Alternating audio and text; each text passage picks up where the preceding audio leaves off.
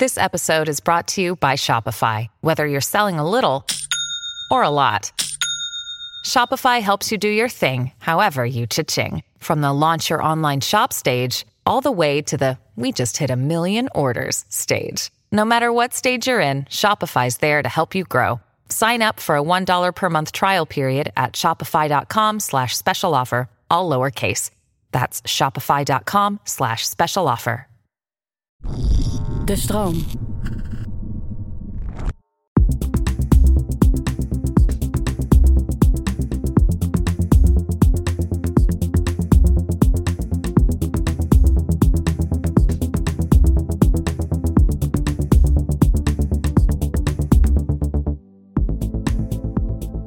Fijn dat je luistert naar de Podcast Psycholoog. Podcast waarin ik, Marissa van der Sluis, samen met andere psychologen in gesprek ga over belangrijke onderwerpen. Om zo met z'n allen onszelf en anderen beter te leren begrijpen.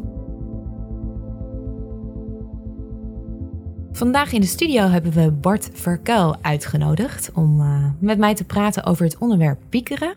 Welkom. Dankjewel. Um, jij bent universitair hoofddocent van de sectie klinische psychologie van de Universiteit Leiden. Klopt. Uh, en je houdt je bezig met chronisch piekeren. En uh, naast onderzoeker werk jij ook als behandelend psycholoog hè, in de praktijk. Ja. Um, en jij hebt een aantal boeken geschreven, waaronder het boek De Gelukkige Piekeraar. Um, en nou las ik op de achterkant van het boek dat jij, hoewel jij bekend staat als pieker-expert, jij ook zeker niet 100% piekervrij bent. Nee, dat klopt inderdaad. Vertel, wat Ik ben uh, opa en mens, zou ik uh, willen zeggen. En uh, nee, ik kan ook mij wel goed zorgen maken over bepaalde dingen in mijn leven. Dat, uh, zo ken ik mezelf ook wel. Ja? Dat was al, uh, ja... Ik kom ook wel uit een familie waar er wat meer mensen zijn die af en toe kunnen piekeren en zich zorgen kunnen maken. En dat is iets wat, ja, ook op de middelbare school was ik altijd wel een beetje, kon ik wel gespannen zijn, nerveus mm -hmm. zijn. Ook als we uh, repetities hadden bijvoorbeeld, uh, kon ik daar wel uh, ja, me zorgen over maken. En dan denken, oh jee, het gaat helemaal mis en het kan het niet, het lukt me niet. En daar dan slecht door slapen. Inmiddels is dat al, ja, ik kan dat allemaal goed hanteren, zeg maar. Dus daar ben ik wel blij mee. Dat is ook het voordeel van dat ik met dit onderwerp natuurlijk aan de slag ben. Mm -hmm. uh, in mijn dagelijks leven, zowel in het klinische werken als met, uh, in het onderzoek. Ja, dat is een mooi bijproduct van. ja, je leert een hele hoop. Ja. Ja, dat, ja, dat is echt waar. En nu, wat zijn dan nog thema's waarover jij je nog zorgen kan zitten maken? Um, ik heb twee kinderen. Uh, en dat zijn wel dingen waar ik me dan echt zorgen om kan maken. Bijvoorbeeld, het, het, zijn hele kleine dingen. En het zijn ook niet dat ik daar dan nachten van wakker lig. Maar bijvoorbeeld mijn dochter die gaat nu zelf naar school toe op de fiets. En de eerste paar keren vond ik dat wel heel spannend. En zag ik daar wel een beetje tegenop. Dacht van, oh jee, stel je nou... Hè, dat is echt zo dat piekeren van, stel je nou voor dat. Ze gaat nu fietsen. Ja. Ik ben er niet bij. En ze moet die weg oversteken.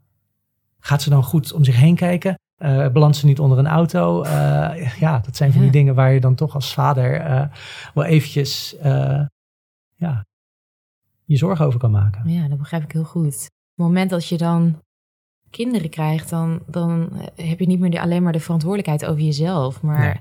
is het dus een, een kwetsbaar Ja, ander precies, mensje precies. waar je, waar je, om geeft. ja, waar je En- om geeft. En daar heb je niet de complete controle over. Nee. Dat, dat, dat gevoel heb je natuurlijk wel bij jezelf. Precies. En ja, ja. eh, zie je dat dan voor je, die rampscenario's, bijvoorbeeld met je dochter, in beelden? Of zijn dat dan meer van die talige Ja, meer gedachten? talig in die Oh, zin. ja. Ik zie niet echt heel erg eh, een, een auto-ongeluk vormen, bij wijze van spreken. Maar meer echt dat, dat ik me nou ja, een beetje talig voorbereid van... oh jee, Mhm. stel nou voor dat dat. En eh, ja, meer, meer wat als gedachten, zeg maar.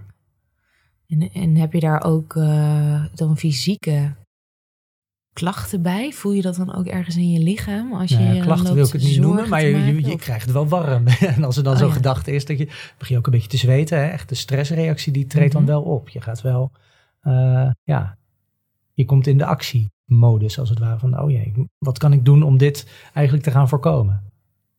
En in hoeverre heb je inmiddels daar eh, strategieën voor om daarmee om te gaan? Eh, nou ja, dat, ik, ik weet van mezelf dat, dat, kan, dat dit nou typisch thema's zijn waar ik eh, over kan piekeren. Mhm. En waar ik dan eh, me even zorgen over maak. En als je dat weet van jezelf, dat scheelt al een hele hoop. Dus dan kan ik dat ook makkelijker naast me neerleggen en overgaan Ja. tot de orde van de dag. Ja, je herkent het gewoon. Dat je, Ik weet het van, oh ja Bart, dit is weer zo'n momentje. ja. Ja, dit is nou typisch iets waar jij je zorgen om maakt. En dat, Mhm. nou ja, dat, als je dat weet van jezelf, dan kan je jezelf ook een beetje zo toespreken van, oké, nou ja, dan gaan we weer. Eh, accepteer het maar eventjes. Eh, we horen het wel als het echt heel verkeerd eh, ja. Ah, gaat. ja. Je hebt er toch geen controle over. Ja, dus je kan dan wel echt die switch maken. Ja, ja. Ja, en ik ben, want hoe, je vraagt het aan mij, maar hoe is dat nou voor jou? Wat zijn voor jou dingen waar je je zorgen om maakt, waar je over piekert? Hmm, nou, ik ben van nature niet iemand die zich snel zorgen maakt. Ik ben wel optimistisch ingesteld, altijd al. En eh, ik ben altijd wel een dromer geweest. En dan zat ik vooral... Ik, ik zat dan wel te denken over de toekomst, maar vooral over leuke dingen Oh, die ja. dan allemaal nog gingen gebeuren. Ja. Ehm, en ik had echt ook wel eens gedachten over eh, wat er mis kon gaan. Maar dat, dat kan, dan kan, daar kon ik me daar heel snel in geruststellen. Eh ik kom denk ik ook doordat mijn ouders altijd heel erg overbezorgd waren. Of tenminste, die wezen mij altijd op mogelijke risico's. Ja. Omdat ik ook wel nonchalant was als kind. Dus je ouders zitten dan soms wat dichter op je Mhm. om jou te, te wijzen op Ja. allerlei dingen. En het grootste gedeelte van de tijd komt dat dan toch niet uit, die ramp. Ja. Waardoor ik juist als kind dacht, hmm, ja, ze zeggen wel dat dit gebeurt, maar het valt eigenlijk, het valt eigenlijk altijd mee. Ja, En als ja. het gebeurt, ja, dan was het eigenlijk ook niet zo erg. Dus dat is juist bij mij blijven Ja, hangen. Daardoor mooi. ben ik altijd een heel relaxed eh, puber geweest. En heb ik nooit zoveel last gehad van Oh, piekeren. Mijn broer heeft het tegenovergestelde trouwens. Bij hem is het glas eerder half leeg. Dat zegt hij zelf ook. En hij ziet veel beren op de weg. Maar sinds, nou ja, eigenlijk ook wel sinds corona denk ik... dat ik dan mezelf erop betrap dat ik me steeds vaker zorgen maak. En dat ik Oh. zit te piekeren. En dat ik echt ook wel eens ehm, nachten wakker kan liggen om, eh, om bepaalde dingen. Bijvoorbeeld een vriendin van mij die eh, moest voor een borstonderzoek. Dat was iets niet helemaal goed. Ja. Naar het ziekenhuis. En in het gesprek met haar hield ik me wel groot. En zei Mhm. ik, nou, hè, we wachten het eerst af. En, eh, maar die, die nacht heb ik wel echt wakker gelegen. En toen Ja. heb ik het helemaal uitgedacht waar Ja. het allemaal heen zou kunnen gaan. En totdat ze in de kist lag, bij wijze van spreken. En eh, dat is, gelukkig is het allemaal goed gekomen. Maar dat, over dat soort thema's, eh, nou ja, dat, eh, daar kon, kon ik me ineens helemaal niet meer in geruststellen. Nee, precies. Nee. Ehm, en ik merk de laatste tijd ook, ik denk ook een beetje sinds corona, is dat, dat ik me meer zorgen maak over de staat van de wereld. Hmm. Dat, dat, dat ik Ja. ook van dat soort Ja. thema's kan wakker liggen. Ik Oh, had ja. bijvoorbeeld laatst een artikel gelezen over eh, de, de zesde massa-extinctie, die zich eh, toch wel inmiddels aan het, eh, Afspelen is. aan het afspelen is. ja, en toen was ik daar eigenlijk zelf van, van me apropos. En toen heb ik, ja, heb ik toch ook wel een week lang elk fietstochtje gedacht. Maar hè, hoe moet het Ja, dan verder? ja, ja. En Heb je dan een idee hoe dat komt? Dat dat dan nu wat meer binnenkomt? Ik heb wel een vermoeden hoe dat komt. Want ehm, ik ben samen met Leonie bezig met het opzetten van een eh, bedrijf. En eh, ik heb ook mijn baan als zeg maar traditionele psycholoog heb ik dan opgegeven. En eh, dus er zijn een aantal veranderingen gaande. En ik moet nadenken over de toekomst. En allemaal heel grote thema's. Ja, ja. En je, je weg is ineens niet meer voor je geplaveid. En dus eerder er- ervoer ik altijd wel regie en, eh, over mijn leven. Ja. Eh, dus ja, dus ik voel me wat kwetsbaarder, Ja, denk ik. precies. Dus er zit er meer onzekerheid. Hè? Als je dan minder regie, maar meer onzekerheid over waar gaat het naartoe. En Ja, ja, dan, minder afleiding ook. Ja. In de Ja, sporten. ja. Dus dat was altijd mijn uitlaatklep. En Ja. ja, ja dat, al die dingen bij elkaar maken denk ik dat ik me daar ineens ook vatbaar Ja, eh, precies. Ja. Dus zelfs al jij als optimist. Hè? Ja, heb, daar heb je nu ook een beetje Ja, last van. precies. Ja. Ja. Want ja, hoe, hoe is piekeren eigenlijk ontstaan ja, bij mensen? Want, Ja. ik, weet, want ik weet eigenlijk niet precies of dieren ook piekeren, maar ik denk van niet. Nee, klopt. Nee, het is echt een soort eh, verbale, talige bezigheid. Het zijn allemaal van die gedachten als wat als. En Mhm. heel erg toekomstgericht. En ook negatief. Mhm. Dieren kunnen wel heel erg op hun hoede zijn. En een beetje de omgeving in de gaten houden van, zit daar iets verdachts? Ja. Hè? Eh, maar dat zijn vaak hele ja, gepaste en ook energiezuinige reacties om met dreiging, mogelijke dreiging om te gaan. Ehm, in de loop der evolutie hebben mensen, uh, ja, is, is een soort cognitieve uh, ontwikkeling uh, ontstaan. Hè, met cognitie bedoel ik, of een cognitieve ontwikkeling bedoel ik dat mensen steeds meer in staat waren om ehm, na te denken, om te denken over de toekomst, mm. om los te komen van hun reacties in het hier en nu. Maar ook te bedenken, ja, maar uh, ik kan dit doen en straks ga ik dat doen en te gaan plannen. Ja. En um, een, een, voorbeeld wat ik uh, bijvoorbeeld in, in, mijn boek aanhaal is van het maken van een uh, vuistbijl. Dat je daarvoor allerlei mentale capaciteiten nodig hebt om dat te kunnen doen. En de mensen die in staat waren om hun stressreactie een beetje te kunnen onderdrukken, om iets langere termijndoelen te stellen. Van ik wil zo'n uh, bel gaan maken. Ja. Uh, die, die hebben mogelijkerwijs uh, hogere overlevingskansen gehad. En hebben hun genen meer kunnen doorgeven. In ja. vergelijking met de mensen die ja, dat, die vermogens niet zo bezaten. En die ja, dat kunnen plannen, nadenken over de toekomst, doelen stellen. Dingen uh, ook al voor je kunnen zien. Dingen toch? voor je, moet, kunnen ja, zien. Je moet dat wel denken, het is er nu nog niet. Precies, maar, maar ik, ik zie daar inderdaad zie je nu nog een brok steen, maar ik, daar kan ik iets van maken ja. en dat gaat er zo uitzien. En hoe ga ik daartoe komen? En ook dat je niet bij de minste uh, frustratie het beltje er letterlijk bij neergooit, uh, maar dat je blijft volharden. Dat zijn ook allemaal ja, vaardigheden die uh, door de evolutie bevoordeeld zijn waarschijnlijk. En maken dat we dat hebben behouden. En ontzettend kunnen fantaseren over de toekomst. Wat jij vertelde, dat je heel erg over de toekomst na kan denken, ook op een positieve zin. Dat is daar ook hè, uh, door ontstaan. Um, maar ja, er zijn ook mensen bij wie de stressreactie ook vrij snel kan optreden, die wat emotioneel wat gevoeliger zijn. En bij die mensen kunnen die vaardigheden hè, om na te denken over de toekomst al vrij snel in combinatie met zo'n stressreactie die optreedt, uh, vervallen tot een soort ja, piekeren. Hoe komt het nou dat we daar s'nachts ook zo vaak mee bezig zijn? Ja, ja en dat, dat niet dat, gewoon overdag. Precies, ja, dat het zo erg is. Nachts. Ja, daar zijn verschillende antwoorden op mogelijk, verschillende verklaringen voor. Um, de eerste is dat je s'nachts heb je eigenlijk gewoon veel minder afleiding. He, dus je kan ook veel bewuster worden van allerlei gedachten die misschien overdag een beetje vluchtig door je heen gaan, maar je bent toch bezig met je werk of met andere dingen. Um, S'nachts is het donker, is er minder afleiding, is het stil. Dus dan is het logisch dat je je bewuster wordt van al die rampscenario's. Wordt veel groter. Ja. Daarnaast is het zo dat het uh, onderzoek laat ook zien dat als wij uh, in het donker zijn, dat we dan wat schrikachtiger zijn. Dat onze schrikreactie dan wat sneller wordt geactiveerd.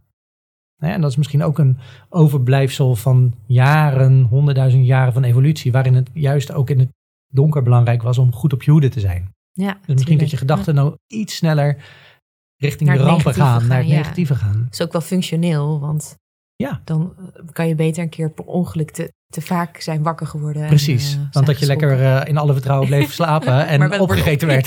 ja. En uh, een, een, laatste verklaring is dat er ook een soort neuraal proces plaatsvindt als we slapen en in de nacht.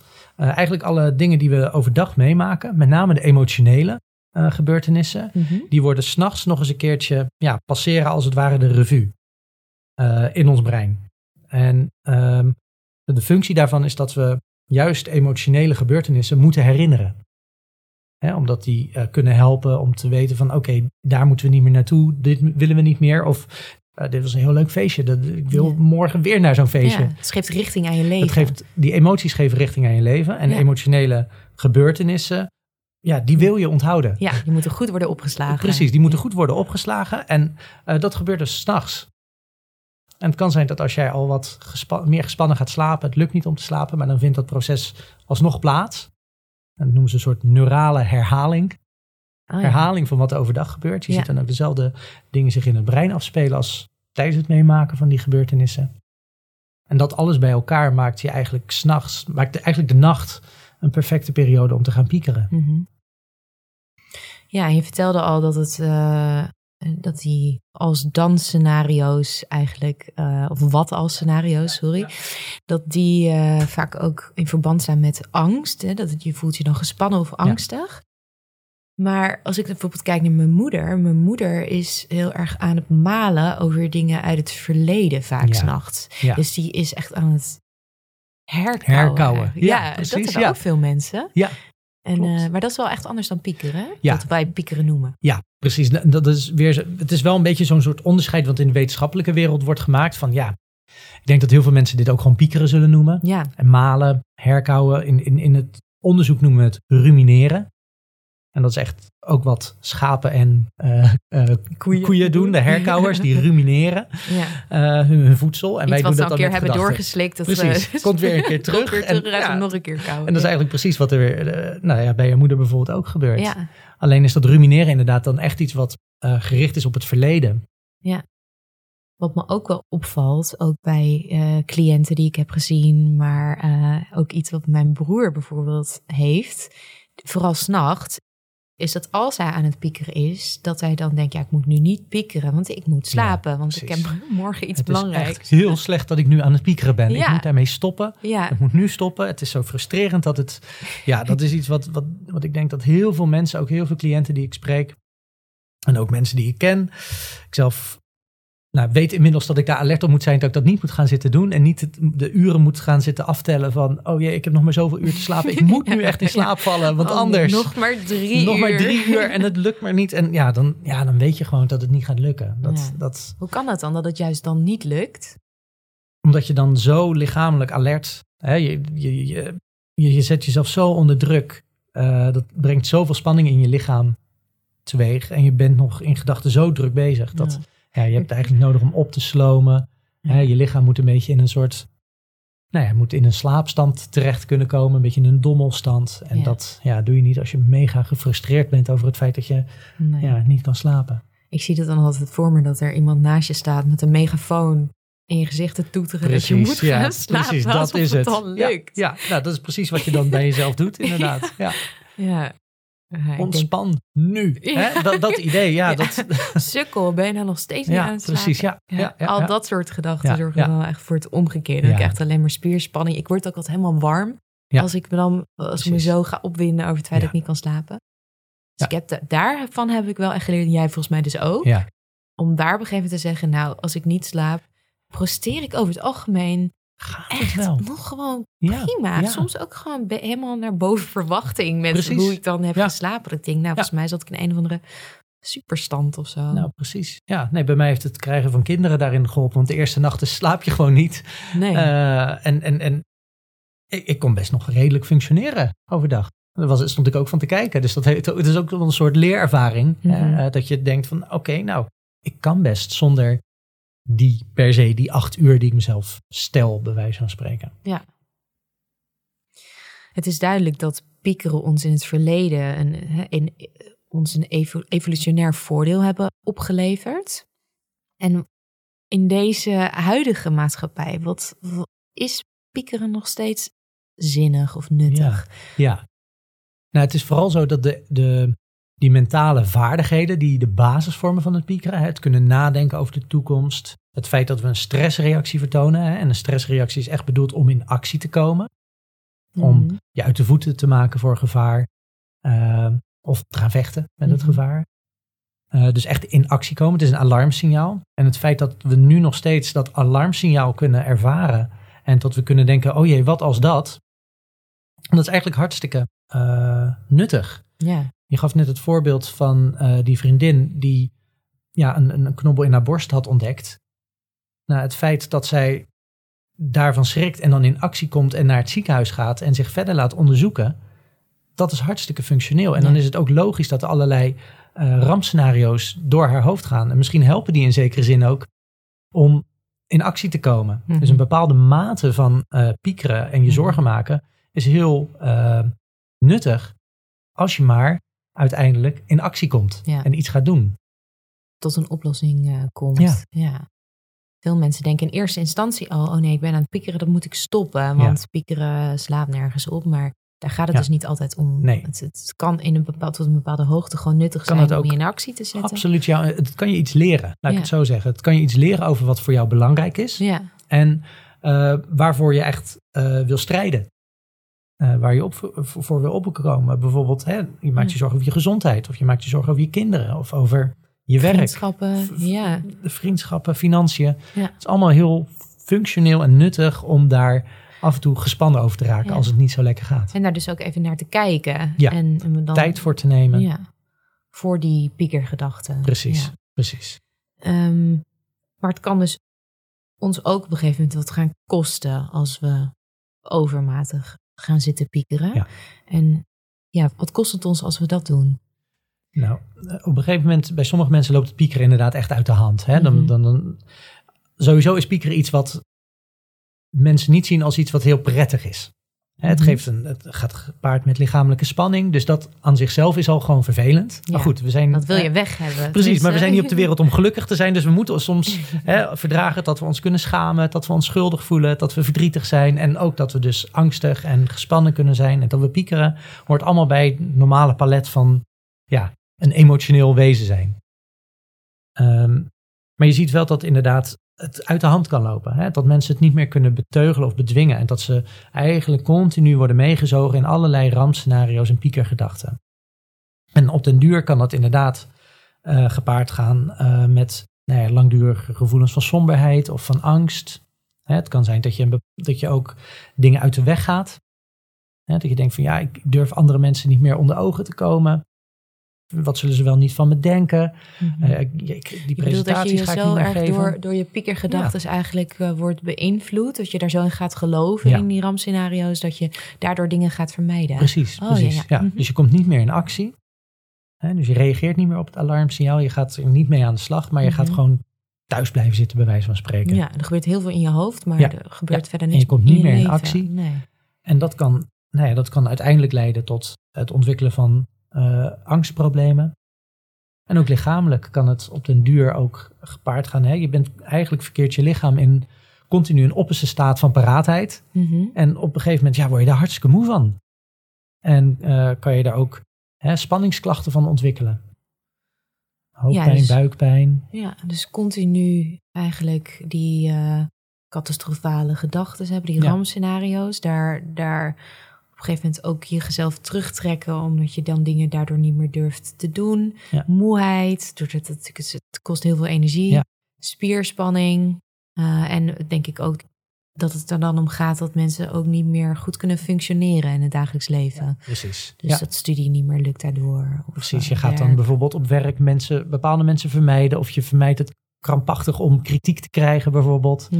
Ehm, mensen kunnen dan uiteindelijk ook ja, mentaal uitgeput raken en Mhm. meer fouten gaan maken bijvoorbeeld in het Mhm. werk. Hè. Dat zie je bij mensen die kampen met eh burn-out klachten. Dan zijn Ja. ze zo uitgeput. ehm, ja, dat ze daardoor fouten maken, wat weer een aanleiding kan gaan zijn om te gaan piekeren. Ja, en dat bevestigt misschien alleen maar weer. Precies. ze- Hun, hun, rampgedachte van, oh jee, Ja. ik maak een fout en dat is verschrikkelijk. En Mhm. misschien krijgen ze ook wel een keer op hun kop. ja, En misschien zijn er ook wel reële dingen waar ze zich zorgen over maken. Het is ook niet altijd zo gezegd dat als je je ergens zorgen over maakt, dat dat dan, hè, als je ergens over piekert, wil het niet altijd zeggen dat dat eh, onterecht is. nee. Het kan ook zijn dat je gewoon, ja, je terecht ergens zorgen over maakt. Ja.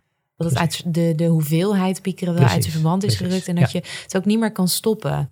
Ja. Dat je daar over de regie kwijt bent. Dat je op een gegeven moment als je weer iets wil gaan doen. Of wanneer er afleiding is, dat je dan toch nog in je eigen hoofd bezig blijft. Ja. Met die rampscenario's. en en dan is het wel Dan is het heel belemmerend ja, in het dagelijks leven. Ja. en daar ben jij ook veel mee bezig, volgens mij, eh, in je onderzoek. En wat maakt je nou kwetsbaarder daarvoor? Wat is, daar, wat is eh, de, in de piekerwetenschap daarover bekend? Het is eigenlijk een combinatie van aanleg, van hoe je geboren wordt. Hè? Dus ehm, mensen verschillen gewoon in de mate waarin ze bijvoorbeeld introvert of extravert zijn. Mhm. En zo verschillen mensen ook in de mate waarin ze emotioneel gevoelig zijn. In het onderzoek noemen we dat neuroticisme. Maar ik vind emotioneel gevoeliger vind ik net iets wat mooiere term. dat andere Ehm, klinkt meteen een beetje... eh, Ja, zoiets, Zo'n neurotisch typeje neurotisch, en, eh, precies, relaxed precies, Ja. Maar het emotioneel gevoelig zijn, dat, dat, dat is iets wat, wat een soort temperament is. Wat je al, al, al bij vroeger... Hè, baby's verschillen daarin. mhm. Kinderen verschillen daarin. En je kan je voorstellen dat uh, afhankelijk van in welke omstandigheden je opgroeit, ja, je uh, meer of minder geneigd kan worden om te gaan piekeren. Ik vind in die zin het voorbeeld wat je in het begin ook gaf over jouw ouders, uh, dat je die, dat die vooral gericht waren op alle gevaren en bedreigingen. Ja. misschien was jouw broer wat meer emotioneel gevoelig in aanleg. Ja. En is hij dat ja, over gaan nemen. En Mhm. ga, hè, als je ouders continu zeggen, oh kijk uit, oh pas op, oh let op. eh, en ik hoop niet dat dit gebeurt. En ja, dan ga je wel leren als kind Mhm. van, oh blijkbaar is de wereld heel gevaarlijk. Terwijl als jij zelf het vermogen hebt gehad en je bent wat minder emotioneel gevoelig. En het vermogen hebt gehad om dat om te kunnen draaien. Om te Mhm. kunnen denken, nee maar ik leer eigenlijk juist dat het allemaal wel meevalt man. ja. ja. En dan doe je een hele hoop veiligheidservaring op en leert Ja. dat het eigenlijk heel veilig is. En zo ja, kan de omgeving waar je in opgroeit ook een belangrijk, belangrijke invloed hebben op de mate waarin je later gaat piekeren. Mhm. Zo zien we bij, eh, in het onderzoek ook bij mensen die al op jonge leeftijd veel verantwoordelijkheid moesten dragen in het gezin. Hè, bijvoorbeeld omdat er een ouder ziek was. Dat die wat meer geneigd zijn ook om te gaan piekeren. Omdat die op jonge leeftijd misschien al heel veel verantwoordelijkheid moesten dragen Ja. in het gezin. En op hun hoede zijn en hun zusjes of broertjes beschermen. Dus moesten ze wel denken van, oh jee, stel je nou voor dat dit gebeurt. En je moet al echt vooruitdenken als kind, Ja. terwijl dat nog helemaal niet jouw taak, Taak is. is. Nee, je hoort de, de wereld gewoon te kunnen verkennen, Ja. spelenderwijs. En dat iemand anders oplet Ja. eh, op de Ja. gevaren, namelijk je ouders. Juist, juist. En als ze dan, als die omstandigheden niet zo zijn, dan kan dat een patroon worden. Hè? Een manier om om te gaan met nou ja, het dagelijks leven. En dan kan je je voorstellen dat als dat jouw manier is van eh, omgaan met allerlei dagelijkse gebeurtenissen, dat dat Mhm. Ja, later in je leven ook belemmerend kan worden. Overal de beren op de weg zien.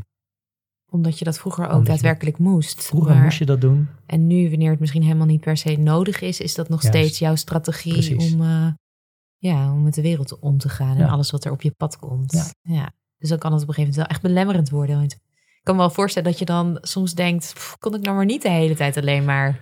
Precies, kon ik het de maar eens even vrij zijn. stoppen Ja, En, en, en gewoon eens even lekker rustig ontspannen. Ja. Want vaak zijn die mensen ook het contact met die lichamelijke eh, ontspanning, dat weten ze niet eens meer hoe dat voelt. ja, ik hoor ook vaak mensen zeggen van, kon ik maar een keer echt uitstaan? En dan Ja. dat dacht ik wel eens bij mezelf, ook als therapeut. van, Ja, ik sta eigenlijk ook nooit uit. Maar ik heb wel heel vaak positief, dus dat wegdromen en aan Mhm. positieve dingen denken. En dat geeft dan juist heel veel positieve emoties. Ja. Eh, en natuurlijk had ik wel eens momenten dat ik, eh, je moet soms ook vooruit denken. Absoluut. dat Ja, is ook nodig. is- en aan dingen die kunnen gebeuren. Want oh, Ja. zo, hoe meer verantwoordelijkheid je krijgt, hoe meer die taak jou ook is toebedicht om, om dat te doen. Vooral als je mensen onder je hebt. Ja. Ehm, maar zelf voelde ik altijd wel die balans tussen positief denken en dromen en ja, negatief denken, Ja. als het ware. Ja.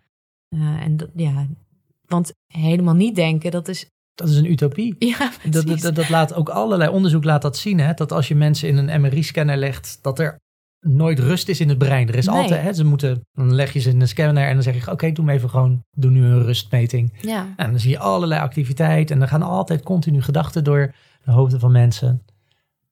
Ik heb wel het idee dat, dat die indruk bestaat. Of dat die mensen heel die de fantasie hebben dat, dat Ja. er een staat Ja. bestaat waarin je niets denkt. Precies, Eh, ja. En dat, dat je je daardoor ook kan, kan pijnigen met het idee dat er andere mensen zijn die wel eens momenten niets denken. En dat jij degene bent die altijd gedachten heeft. Dat ik denk, ja, misschien moeten we dat gewoon de wereld uit helpen. Ja.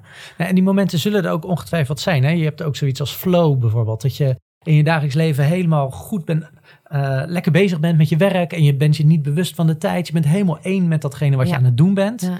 En dat kan dan ook best wel, als je die ervaringen ook kent, dan kan dat ook best wel een soort contrast zijn. Met, hè, of Dan vergeet je de tijd en eh, waar je Ja. bent. En, En wat soms ook kan helpen, is dat mensen, althans kan helpen in de zin dat, ehm, wat soms ook het geval is, is dat eh, mensen bijvoorbeeld alcohol gebruiken of Mhm. drugs gebruiken en daarmee wel hun hoofd een beetje leeg krijgen. Ja, oké.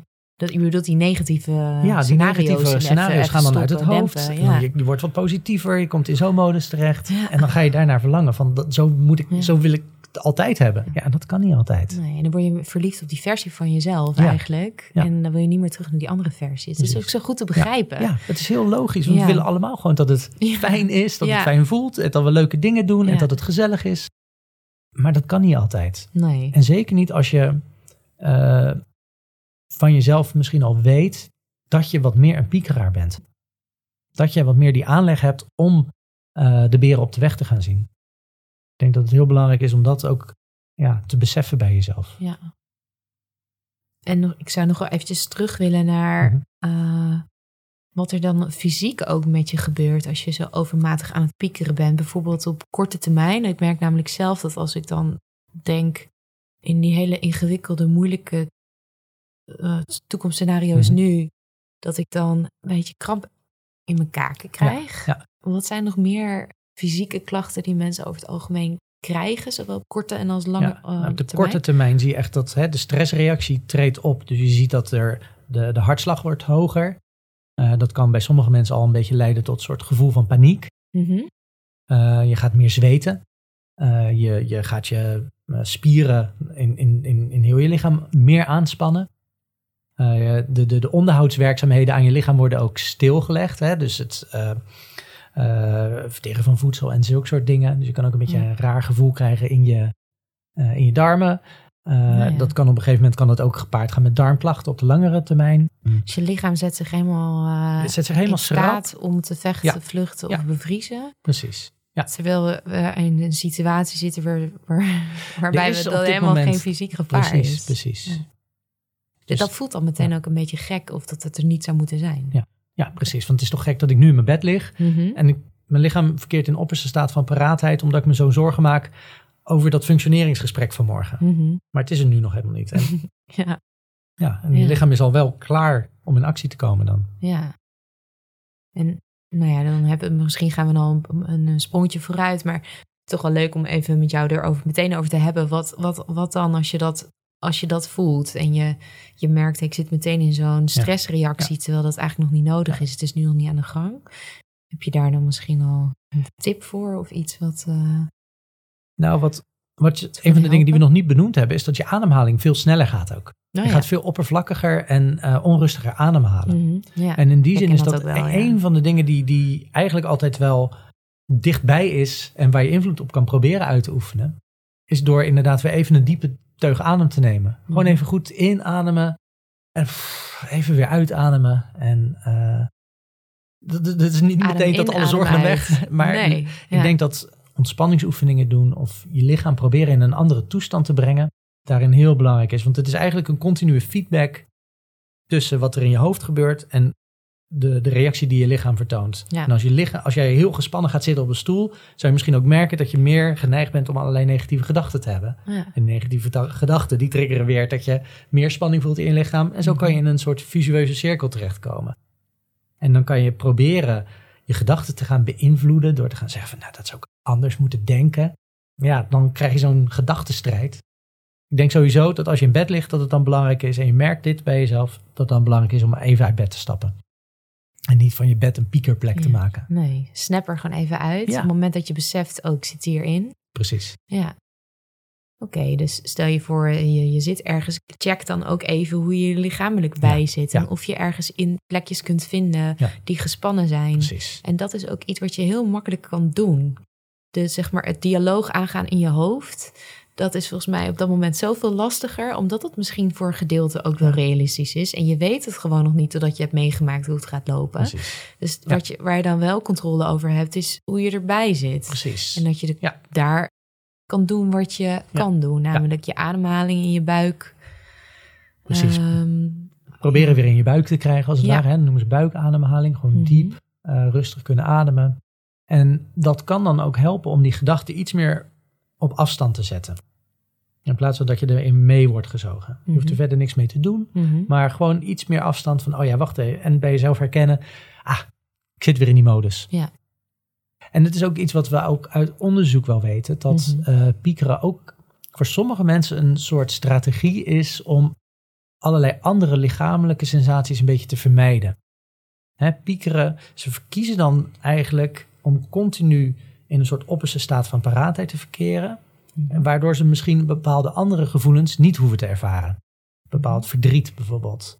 Uh, bepaalde andere emoties. Kunnen daardoor een beetje weggedrukt worden. Zodat wat heftigere uh, swings, zeg maar, in je emoties. Ja. Uh, die vinden piekeraars dan misschien moeilijker te verdragen. en die zitten dan liever in uh, standje, standje continu, standje 2. Ik weet een beetje precies op mijn hoede blijven. Uh, ik voel wel wat lichamelijke spanning. Ja. Uh, en dat is natuurlijk niet iets waar ze bewust nee. voor kiezen, maar iets wat misschien wel ja, door de loop der jaren, gewenning, dat dit een soort veilige toestand is. Want dan ben ik in ieder geval een beetje voorbereid op die beren op de weg. Uh -huh. Dat geeft me een gevoel van controle. Ja. En hoef ik ook misschien niet zo stil te staan bij alle ja, vervelende gebeurtenissen die er zijn geweest. Of hoef ik, me niet, hoef ik niet stil te staan bij de schaamte die ik misschien ook wel voel. Of bij dat rotgevoel over wat er met die vriend gebeurd is. Ja, een soort gespannen elastiekje ja. ben je dan de hele ja. tijd. De, de, dus ik denk ook inderdaad dat het echt heel goed kan zijn om uit die modus te kunnen stappen. Mm -hmm. En ik denk dat het heel belangrijk is om in het dagelijks leven ook goed contact te blijven houden met je eigen spanningsniveau. Want mhm. ongemerkt kan het op het werk en maar toenemen en maar toenemen en maar toenemen. En als je dan jezelf al de druk zet om maar door te blijven werken, ja, dan is het misschien ook niet zo heel gek dat je s'nachts nog een hele hoop dingen hebt om over na te denken en je zorgen over te maken. Mhm. Terwijl als je overdag al vaker even rustmomenten kan inbouwen en even je brein tot rust kan laten komen. ik noem dat een soort micropauzes inbouwen in de dag. Even tot rust komen. Ga eens wat vaker naar het toilet. Om daar gewoon even te zitten. Ja, uh, uit te staren. Ja, een beetje lummelen. Ik denk dat je daar uiteindelijk en efficiënter van wordt. En dat er mhm. minder noodzaak is om ook s'nachts nog te gaan piekeren. Ja. ja, dat vind ik een hele goede tip. En ook vooral nu uh, even belangrijk. Wanneer mensen veel thuis aan het werk zijn. Want een vriendin van mij zei laatst ook van... Ik ben zo moe na een werkdag. Want die, al mijn meetings zitten achter elkaar. Ik, ik moest echt vragen, kan ik even naar de wc? Want je kan gewoon niet tussendoor dingen verwerken. Dus dat komt s'avonds allemaal nog lekker op je borst. Precies, precies. Ja, dus, ja, ja en dus, dat is eigenlijk heel kwalijk. Ja. Hè? Dus dan is het echt super belangrijk om, om juist die momenten, om daar rust in te bouwen. Mm -hmm. En uh, ja, je kan, de boog kan niet altijd gespannen zijn, zo simpel is het. Nee, nee ons brein is niet een, iets wat we maar oneindig kunnen gebruiken, nee, zonder nee. dat we daar ooit een keer iets in hoeven te stoppen in de vorm van opladen. Precies. Ja. Nou, ik heb, we hebben al een keer ook een um, aflevering gemaakt over concentratie. Oh ja. En daarin werd ook gezegd hoe belangrijk het is om pauzes te nemen voor je concentratie. Ja. Maar dus niet alleen voor je concentratie, maar ook dat bepaalde belangrijke dingen die belangrijk voor jou zijn, dat je daar ook, dat je dat ook even laat bezinken, zodat dat niet allemaal wanneer je naar bed gaat nog eens een keer terugkomt, naar boven komt Precies. en dan ook nog eens een keer heel moeilijk te relativeren ja, is. Nee, absoluut. Allemaal heel groots lijkt. Ja. Ja, we hebben het wel gehad over wat piekeren is, waar het vandaan komt, soorten piekeren. Uh, we hebben ook soms een klein beetje gehad over wat je zou ja, kunnen doen. Ja. Uh, ik denk dat de meeste mensen wel eens piekeren en de meeste mensen ook wel eens overmatig aan het piekeren ja, zijn, misschien in bepaalde periodes. Wat zijn nou eerste stappen die je zou kunnen zetten om van je overmatig uh, zorgen maken, ja, piekeren af te komen? Ja, eigenlijk wat ik een van de belangrijkste dingen vind, is dat we dat je niet meteen allerlei tips en trucs gaat proberen te doen en te zeggen van ik moet nu stoppen met dat gepieker. Nee. Maar juist dat je eerst gaat beseffen, oké, waar komt dat gepieker bij mij vandaan? Ken ik dat van mezelf? Weet ik van mezelf dat ik sowieso wat meer emotioneel gevoelig ben en wat sneller geraakt kan zijn en wat sneller zorgen kan maken over dingen? Want dat bepaalt ook de snelheid waarmee je dingen kan gaan veranderen in het gepieker. Ja, als je al je hele leven lang aan het piekeren bent geweest, mm -hmm. dan ben je je hele leven lang al je piekerspier als het ware aan het trainen geweest. En die is zo hartstikke goed ontwikkeld. Ja. Um, Popeye, Popeye spier. Ja, heb je niet zomaar weer eventjes Dat heb je niet zomaar onttraind, zeg maar, of nee. iets anders voor geleerd. Nee, dat is dus, en wat ik daarmee vooral probeer aan te wakkeren, is dat mensen met iets meer compassie naar zichzelf daarin ja. mogen kijken. En niet te hoge verwachtingen hebben nee. over dat ze met een paar uh, piekeroefeningetjes op internet. Precies, meteen... dan ben ik klaar. Dan doe, ga ik drie keer even rustig ademhalen en... Ja. en dan is het over. Dan pieker ik nooit meer of wat dan ook. Nee, hou ook oog voor het feit dat je misschien altijd wel een beetje een piekeraar zal zijn. Ja, en dat, dat is oké. Okay. wat oplevert voor je Precies. waarschijnlijk. Ja. Zolang je maar, en dat is eigenlijk het tweede, uh, uiteindelijk een beslissing kan maken van is dit een probleem waar ik uh, nog voor in actie kan komen? waar ik nog Mhm. iets aan kan doen, waar ik nog Mhm. echt daadwerkelijk controle op kan uitoefenen. Bijvoorbeeld, ik maak me zorgen over die presentatie. Of dat allemaal wel goed zou gaan. Nou, Ja. dan kan je bijvoorbeeld nog eens oefenen. Ja. Om te zorgen dat, Ja. hè, dat, dat nog een keer met iemand erbij zit. in plaats van in de spiegel. Dus om Precies. nog één keer te checken hoe dat voor Ja. anderen is. Ja. Dus dat is, dat, hè, dan kan je nog iets beïnvloeden. Kan je er nog iets aan doen. Maar er zijn Of natuurlijk, kan je testen toch ook? Ook een bepaalde, eh, misschien Ja. een gedachte die je hebt van, oh, zou die ander niet dit en dat denken? Ik had dat laatst met een vriendin. Toen dacht ik iets terwijl we aan het praten waren. Toen dacht ik, ook, ik ga meteen vragen of het zo is. Want Ja. ik voel me hier Ah, een te rot over. Zeg ja, ik, ja. super. Want ik dacht, anders ga ik naar huis. Dan ga ik daar nog over zitten denken. en, en toen zei ze ook van, oh nee, dat was helemaal niet zo. Ja. Ik zei, oh ja, want ik, ik dacht dat even. Toen zei ze, oh nee, zo was het helemaal niet. Eh, Ik weet niet eens meer wat precies wat het Nee, was. Maar, maar dat- het hielp mij om meteen te toetsen. Prachtig. ja, want dat, ik denk dat dat hetgene is wat uiteindelijk je iets gaat leren. Ja. Van, hè, je gaat als piekeraar, ben je al snel geneigd om in te vullen. Wat zouden andere mensen wel niet Mhm. kunnen denken? Ja. En dat is dan vaak niet heel prettig hoe je dat invult. Je vult het dan ne- toch negatief in Ja. vaak. En als je dan de moed hebt, zeg maar, want het vergt best wel wat moed en lef om dat te durven zeggen. Zeker Mhm. als je hebt geleerd van ja, emoties en je kwetsbaar opstellen, dat is allemaal niet zo oké. Dat hoor je niet te doen. Maar als je dat kan doorbreken en kan durven vragen, Mhm. joh, ik denk nu dat jij dit denkt. Ja. Ik denk nu dat jij denkt van, jee, wat een slecht verhaal. Eh, en dat je dat op die manier gaat uitdagen en aan iemand voorlegt. Ja, dan leer je wat. Ja. En eh, dan kan je kan juist ook iets opleveren in een vriendschap dat je nader tot elkaar komt. Dus het Mhm. kan een win-win situatie zijn. En Ja. vaak, ook als mensen dan zeggen, nou, ik vond het inderdaad niet zo heel goed. Ja. Dan zou je ook kunnen leren dat je daar best wel mee om kan gaan. Dat is iets wat ik van veel cliënten hoor. Dat als hun een beetje hun ramp toch wel een beetje lijkt uit te komen, Ja. dat ze dan ook wel merken van, nou, maar eigenlijk viel dat best wel mee. Ja. Kon ik er best wel mee omgaan. Ja, het was even vervelend, maar toen dacht ik ook, ja, maar ja hij snapt het ook gewoon nog helemaal niet. Eh, hè, dus dan, Ja. dat ze het dan bij de ander laten. En, Ja. ja, ja, dat kan. Of je pakt er iets in mee van, nou, hier wil ik dan wat mee doen. is ook En- een terechte kritiek bijvoorbeeld. Ja, dus daar moet ik dan misschien wat mee. Dat is ook niet point. erg. Ja. Ja. we moeten, hoeven ook niet de fantasie toch te hebben dat we altijd maar perfect zijn. Nee. Dat denk ik ook wel eens. Nee. Van, ja, stel je voor, ze had gezegd van, dit is ook zo. denk ik, nou ja, dan moet ik dat toch ook gewoon kunnen slikken en er wat mee kunnen doen. Precies. Ik, ik heb echt niet de illusie dat iedereen me maar de hele tijd leuk vindt en alles goed vindt wat ik Nee, doe. Ja, nee. ik, ik wil ook horen dat ook wat minder leuke Ja, dingen, want dan leer je toch ook weer als mens. denk ik Precies, precies. Ja, dus ik denk dat een hele hoop dingen neerkomen op experimenteren. Nieuwe dingen gaan proberen te durven. eh, nieuwe leerervaringen opdoen.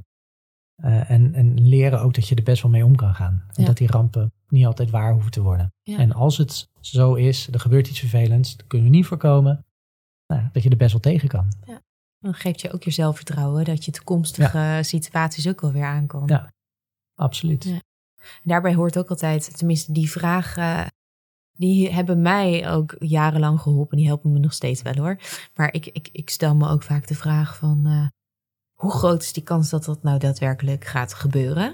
Die ramp. Ja, En ja. eh, bijvoorbeeld met, eh, met het opzetten van een be- bedrijf, wat Ja. dus eh, verlengstuk is van de podcast. Dan kan ik dan wel een doemscenario hebben van eh, wat als het helemaal mislukt en het wordt niks. En dan kan ik mezelf ook, hoe groot is die kans dat dat echt helemaal mislukt? En denk ik, nou, dat is die kans is waarschijnlijk ook wel klein, want de podcast is wel toch een succes. Ja, dus dat zou een bewijs precies. moeten zijn dat het niet Dat- zo gaat gebeuren. Ja. En dacht ik, ja, en als het helemaal mislukt, hoe erg is dat dan? Denk ik, oh, heb ik het geprobeerd. Het was een hartstikke leuk avontuur met eh, Leonie. En ja, wat dan, dan heb ik weer een normale baan daarna. Ja, ja, ja, precies. Ja. Ja. Ja, Zo kan je het ook leren uitdagen, hè, die Ja. gedachten. Ja. Dus die twee vragen, die helpen me vaak Ja, ook wel. ja, precies. Nou, ik, en ik raad ook iedereen aan om, om, inderdaad dan die gedachten bijvoorbeeld ook op te schrijven. Mhm. En, en, en jezelf inderdaad kritisch te gaan bevragen. Van, Mhm. Klopt het nou wat ik denk? Wat zijn nou de bewijzen? En waar ben je dan echt bang voor? En stel dat dat uitkomt, wat Ja. is daar dan het ergste aan? En wat Mhm. is daar dan het ergste aan? Dat je op die manier probeert iets kritischer je denkproces ook onder de loep te nemen. Ja. Ehm, maar het kan natuurlijk ook zo zijn dat je, in, in dit geval, je, je weet niet of dat bedrijf een succes gaat worden. Daar heb je op een gegeven moment geen controle meer over. Dan heb je gedaan wat je kan doen, maar je kan ook niet, ja, het leven is onzeker. En, en, en hangt ook van toevalligheden soms aan elkaar. Mhm. En dat dan ook beseffen is denk Mhm. ik ook iets wat heel belangrijk is. Hè? Dus Ja. dat is, je kan problemen proberen actief aan te pakken. En je kan kijken van tot op welke Tot hoogte moet ik gewoon zeggen. Dit is Ik geef wat me ik over. Ik geef me over. Ik laat het los. ja. En dat loslaten, dat is iets wat voor echte hardcore piekeraars als het ware echt heel lastig Ja. is. Maar kan je wel trainen.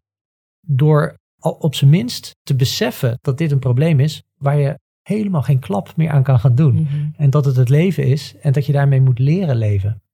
Maar dan moet je wel honderdduizend keer tegen jezelf zeggen, echt Ja. bewust. Oh ja, weet je nog, ik heb, mis- misschien ook helpt het je dan om te bedenken, ik heb al duizend keer in zo'n modus gezeten dat ik me zorgen maakte over iets en toen viel het elke keer weer mee. Piekeren zelf heeft me niet geholpen, maar uiteindelijk eh, ja, moet ik het gewoon leren loslaten. Want piekeren helpt me niet verder, het maakt me Mhm. alleen maar meer gespannen. Ik weet dat het een beetje bij me hoort, maar ik kan ook leren om de dingen wat meer los te laten. En dat kan een soort mantra worden. Dat je probeert heel vaak bij jezelf te herhalen. Te koppelen met bijvoorbeeld ook even de uitstappen, hè, waar we het net over hadden. Even rustig gaan zitten, bedenken en beseffen van oké, het is eigenlijk gewoon hartstikke spannend. En ik voel me er hartstikke onzeker over. En dat mag. En dat mag, dat is oké. Ja.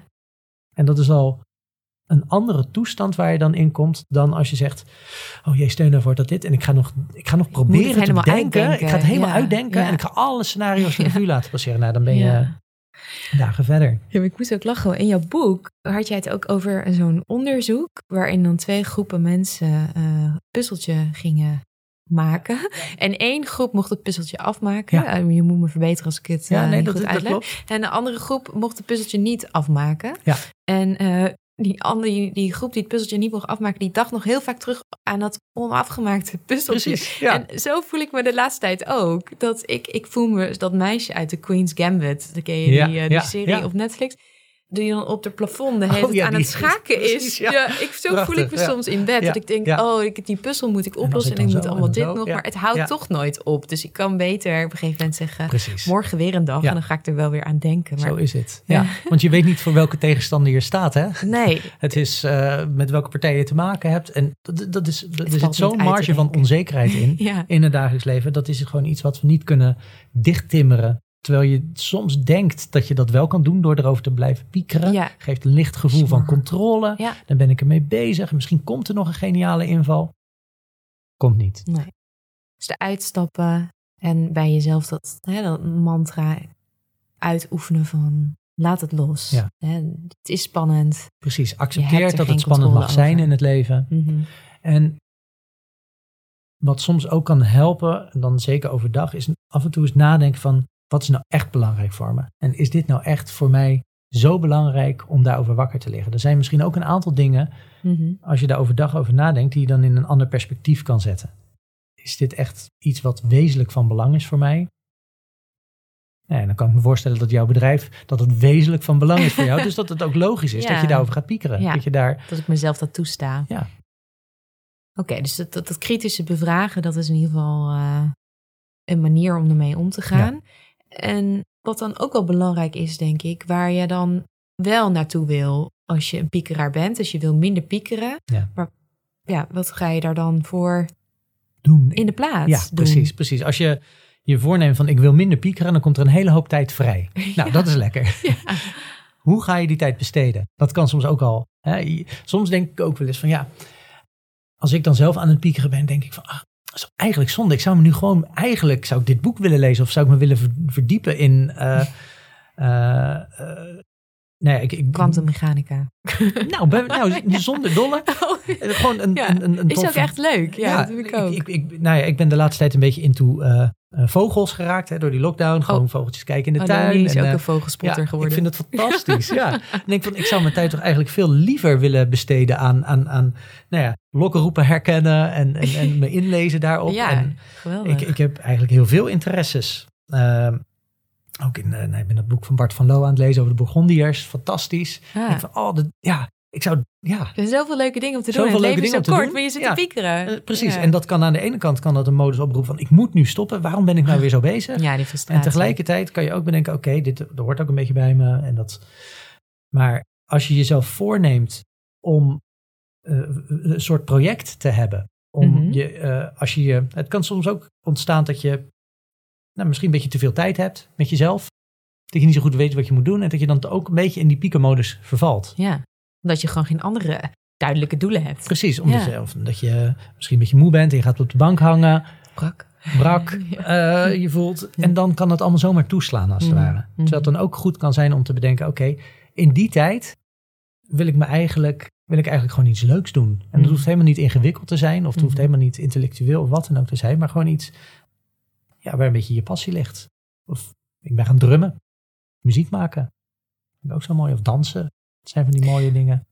Ja, ik kan me voorstellen dat om maar uit te snappen, het vooral goed is om dan iets te doen wat ook weer meer fysiek is. Juist, Of zo. ja, ja. Waarmee je minder talig bezig bent. Precies, niet zo in je hoofd. Ja, Maar echt iets, iets met, visueels of iets creatiefs. Ja, Eh, waardoor je in de flow kan raken. Want we hadden het net ook al even over die flow. Ik merkte tijdens eh coronatijd dat ik eh, doe aan thai-boxen. oh ja, Dat het bezig zijn met de techniek en dingen, nieuwe dingen leren. En, op zo, en het voelde dan altijd alsof de mat op dat moment mijn wereld Ja, was. ja, En dan was ja. ik zo even niet bezig met wie ik was ten opzichte van anderen. Of het ging alleen maar om goed concentreren over, op je techniek en die mat en eh, je tegenstander. En dat heb ik enorm gemist. Want die flow die ik daar ervaarde, die, die heb ik bijna niet bij andere dingen.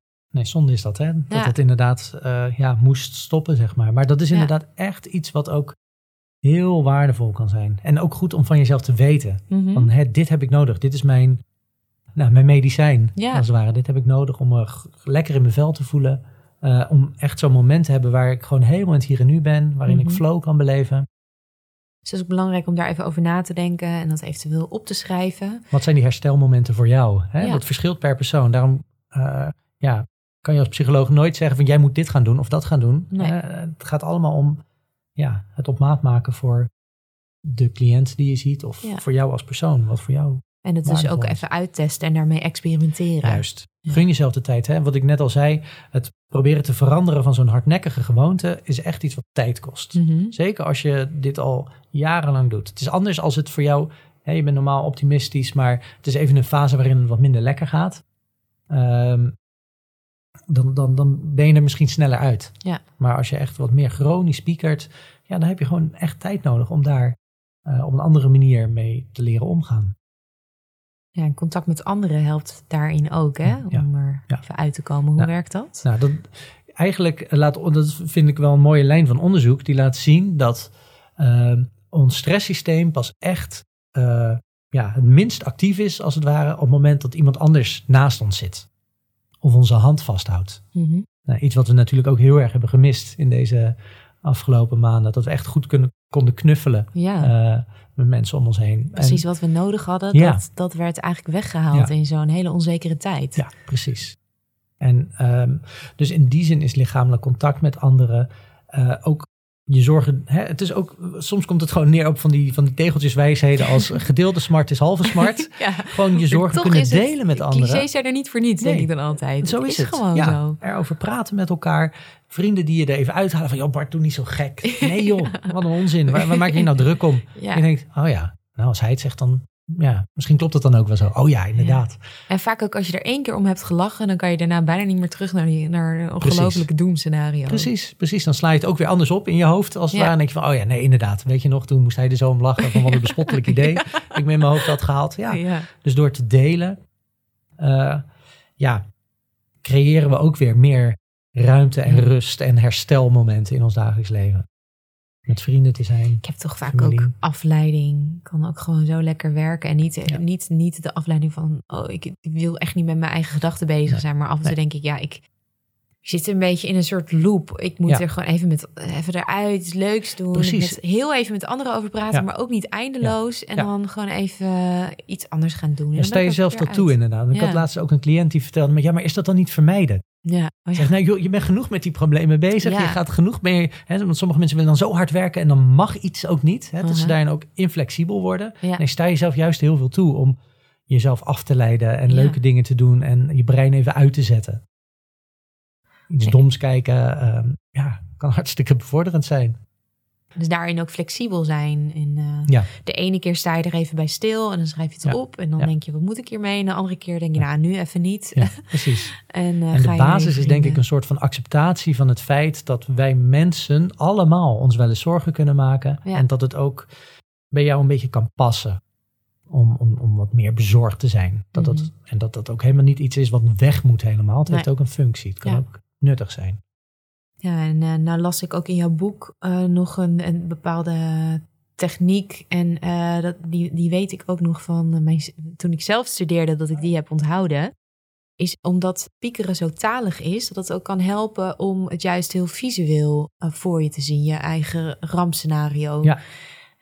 Kun je er misschien daarover uitleggen, wat over uitleggen hoe je dat dan kan doen? Stel je voor, je bent nu aan het luisteren en Ja. je piekert veel. Ja. Nou, wat, wat kan helpen is inderdaad om eh, die piekergedachten eigenlijk veel meer nog uit te gaan denken. Waar maak je je dan precies zo'n zorgen over? Eh, is door te gaan zitten. En dan moet je echt een, een, een kwartier of een half uur de tijd nemen om daar echt voor te gaan zitten. Mhm. Hè? eh, dat noemen we ook een piekerkwartier of piekerhalf uur. Ja. Waarin je in dat moment zegt, dat, in dat moment ga ik echt goed nadenken over waar ik me zo'n zorgen over maak. Mhm. Ik spaar alle momenten van de dag op. Probeer dat telkens te verplaatsen als ik merk dat ik aan het piekeren ben. Naar dat piekerhalf uur en dan ga ik er goed voor zitten. En dan kan je je gaan proberen voor te stellen van waar maak ik me nou echt zorgen om? Hoe zou dat eruit zien? Mhm. En wat is dan het ergste wat er zou kunnen gebeuren? En het kan dan zijn dat dat hele heftige dingen zijn waar je je zorgen over maakt. En die je dan ook voor je ziet. Die je ook gespannen en emotioneel kunnen maken. Ja. Maar het kan ook goed zijn om dat eens proberen voor je te zien. Want we weten dat als je dingen voor je ziet, dat je dat dan ook makkelijker weer kan, uiteindelijk kan opslaan en verwerken. Dan in plaats van als je er zo talig mee bezig blijft. Ja. Dan is het heel vaak een beetje abstract en een beetje vluchtig. Terwijl als je het heel concreet maakt, dan is het makkelijker om ofwel nog te bedenken, oh maar wacht, dan moet ik nog dat doen om in actie te komen. Of kan je het ook makkelijker weer eh, opslaan. ja. Dus en als het dan wordt opgeslagen, dan is de kans dat het tussendoor gedurende je dag de hele tijd weer Ja. Eigenlijk. Als een soort strandbal die, Precies. die je onder water hebt gedrukt, die telkens weer naar boven komt. Ja, wat je eigenlijk doet is je, hè, je je kan piekeren zien als een alarmsignaal wat de hele tijd afgaat. En wat je gaat doen is je gaat in dat half uur eens zitten. Nou, vertel het me maar. Ja, kom op nou. waar- wat is dat alarm? Waar gaat het Je over? stapt gewoon een ring in. Ja, Met- precies. Met, ja, zo, ja, zo, nee, met zo je rampscenario. Ja, van dit is, oké, dit is dus waar ik me echt zo'n zorgen over maak. En dat, ja, dat, is een beetje spelen. Hè? Dus, dus voor de een wer- werkt dat, voor de ander die zegt, nou, vind ik, ik krijg mijn kriegel van, dat is niks voor mij. Ja. Eh, maar ga eens bedenken wat voor jou zou kunnen helpen. En wat ik wel weet, is dat het al heel veel cliënten heeft geholpen om eh, meer tijd, eigenlijk meer tijd uit te, te trekken voor hun gepieker. Mhm. Door er meer aandacht aan te gaan besteden en er eens goed voor te gaan zitten en te bedenken, waar maak ik me dan echt zo'n zorgen over? Ja. En vaak zijn het ook een beetje vluchtige wat als gedachten. Is een bepaald, gaat gepaard met een bepaald gevoel in je lichaam. Een bepaalde modus waar je in vast blijft haken, terwijl als je ervoor gaat zitten, en misschien ben ik, oh ja, maar daar ben ik nou echt bang voor. En ja, hoe groot is die kans nou echt dat op dat weggetje mijn eh, dochter wordt aangereden of dat ze ontvoerd wordt of eh, whatever. Ja. Dus of je komt erachter dat het misschien irreëler is dan je dacht. Juist. Of dat je er waarschijnlijk wel mee om kan gaan als het gebeurt. Ja, Of je komt erachter dat er ook nog wel echt... Dat je ook even, nog even iets moet doen. ja. Eh, of die ander nog iets verschuldigt. Of je moet nog... En- excuses moet precies, maken en precies, dan het was gewoon een stomme je- opmerking. Ja, En dan kan, of je moet nog even iets testen van... Goh, vond die, die ene dat niet eh, onaardig van mij? Juist. En dan kan je dat misschien opschrijven. En dat wordt dan je to-do-list. In plaats van dat het je hele Ja. tijd onderhuid aan Want- het lastigvallen eigenlijk is. piekeren, we hadden het net over dat eh, die mensen die een puzzeltje niet hebben afgemaakt, dat ze er vaker aan blijven denken. Ja. En dat is eigenlijk wat er gebeurt. Er is Ja. geen oplossing, geen closure. En daar hebben we Mhm. als mensen toch een beetje behoefte aan. Nou, dan kan het heel goed zijn om er nog eens echt de tijd voor te nemen. En te bedenken van, is er nog een manier waarop ik de puzzel kan leggen en afmaken? Want dan Mhm. neem ik de noodzaak om er overdag mee bezig te zijn. Of s'nachts in mijn bed, neem ik dan ook weg. Mooi. En ik, ik moet ineens ergens aan denken. Ik, la- ik las, ik was eh, deze aflevering aan het voorbereiden en eh, toen las ik ook iets over een elastiekje om je arm. En iedere keer als je dan een piekergedachte Ja. hebt, dat je dan met het, jezelf even een tikje geeft met een elastiekje. Wat zegt de piekerwetenschap Ja. daarover? Nou, dat het in ieder geval een oude techniek is die vroeger werd gebruikt. Dat was ook iets wat ik herkende toen ik begon met werken in het eh, klinische veld. Dat ik hem Oh. las in, ook in, in, in een protocol, geloof ik, van ja, slingert nog steeds rond dus. ja, Eh, precies. Nou ja, kijk, we weten wel dat bewust worden van gepieker, mhm. dat zien we in andere onderzoeken ook, dat het registreren bijvoorbeeld van piekeren alleen al kan al leiden dat je minder gaat piekeren, omdat je je er bewust van wordt. En dat je vaker toch iets meer serieus naar die gedachten gaat kijken en gaat uitdagen van, ah, valt van mee. Dus bewust worden, Ja. maar om jezelf nou te gaan pijnigen. ja, ik vond het ook een beetje akelig. If it works for you, dan zou ik zeggen, hè? Het streng Er zijn vele meteen. wegen, ja. precies. Er zijn vele wegen die naar Rome leiden Ja. ook. Ik kan Eh, ook iets, misschien iets leukers bedenken, maar dat werkt misschien niet zo effectief. Nee, precies. Nee. Nee, ik denk dat eh, in die zin vind ik het ook juist het, ook het sociale iets wat heel belangrijk is bij het aangaan van piekeren. Dit is iets wat, hey, ga je jezelf zitten pijnigen? ik denk, ja, probeer eerst eens met vrienden erover te praten, bij wijze van spreken. Ja. Dat lijkt me een wat prettigere strategie. Ja, en ik denk dat we wel zo'n beetje aan het einde zijn gekomen van deze aflevering. We hebben een hele hoop eh, kunnen bespreken. Ja. Is er nog iets wat, wat je nog zou willen toevoegen? Heb je nog een laatste tip misschien voor de luisteraars? Nou, vergeet het lichaam niet. denk Ja, ik dat heel belangrijk is. Eh, en dat er geen besef je dat het iets heel menselijks is. Dat iedereen wel eens piekert. Dat het iets is waar je. ehm, waar er niet één strategie is die de beste is, maar dat je voor jezelf op zoek moet gaan naar wat past bij jou. Wat is mijn onderhoudsdosis? Wat heb ik nodig om tot rust, hè, mijn lichaam tot rust te laten komen, Mhm. zodat ik ook minder snel in die piekenmodus terechtkom. Eh, en voor de een is dat vaak een strandwandeling maken. Voor de ander wordt er kriegel van en moet juist gaan, eh, gaan thaiboxen. Eh, zoek waar, hè, wat het beste bij jou past. Ja. Maar gun jezelf de tijd om daar dat uit te gaan vinden. Mhm. Het hoeft niet in één keer. Het hoeft niet in één keer. Verdraag dat het frustrerend kan zijn en dat het niet altijd meteen lukt. En dat het. Mhm. En dat het is emoties meer bij het leven horen. het is, het is de weg die we aan het bewandelen zijn in plaats van hè, dat het meteen weg moet zijn. Nee, Ja. Het is een zoektocht. Mooi. Nou, ga ik ook maar eens proberen toe te passen dan op eh, de zesde massa-extinctie. eh, Ja, precies. piekergedachten Ja, ja, die ik heb. Kijken of het lukt. ja, hartstikke goed. Succes. Dankjewel voor, eh, voor je komst. Heel graag gedaan. Was leuk. Wil jij na het luisteren van deze aflevering nog meer leren over psychologie? Word dan lid van onze club op depudcastpsycholoogclub.nl en ontvang elke maand bonusmateriaal bij de podcast en een door mij persoonlijk ingesproken ontspanningsoefening.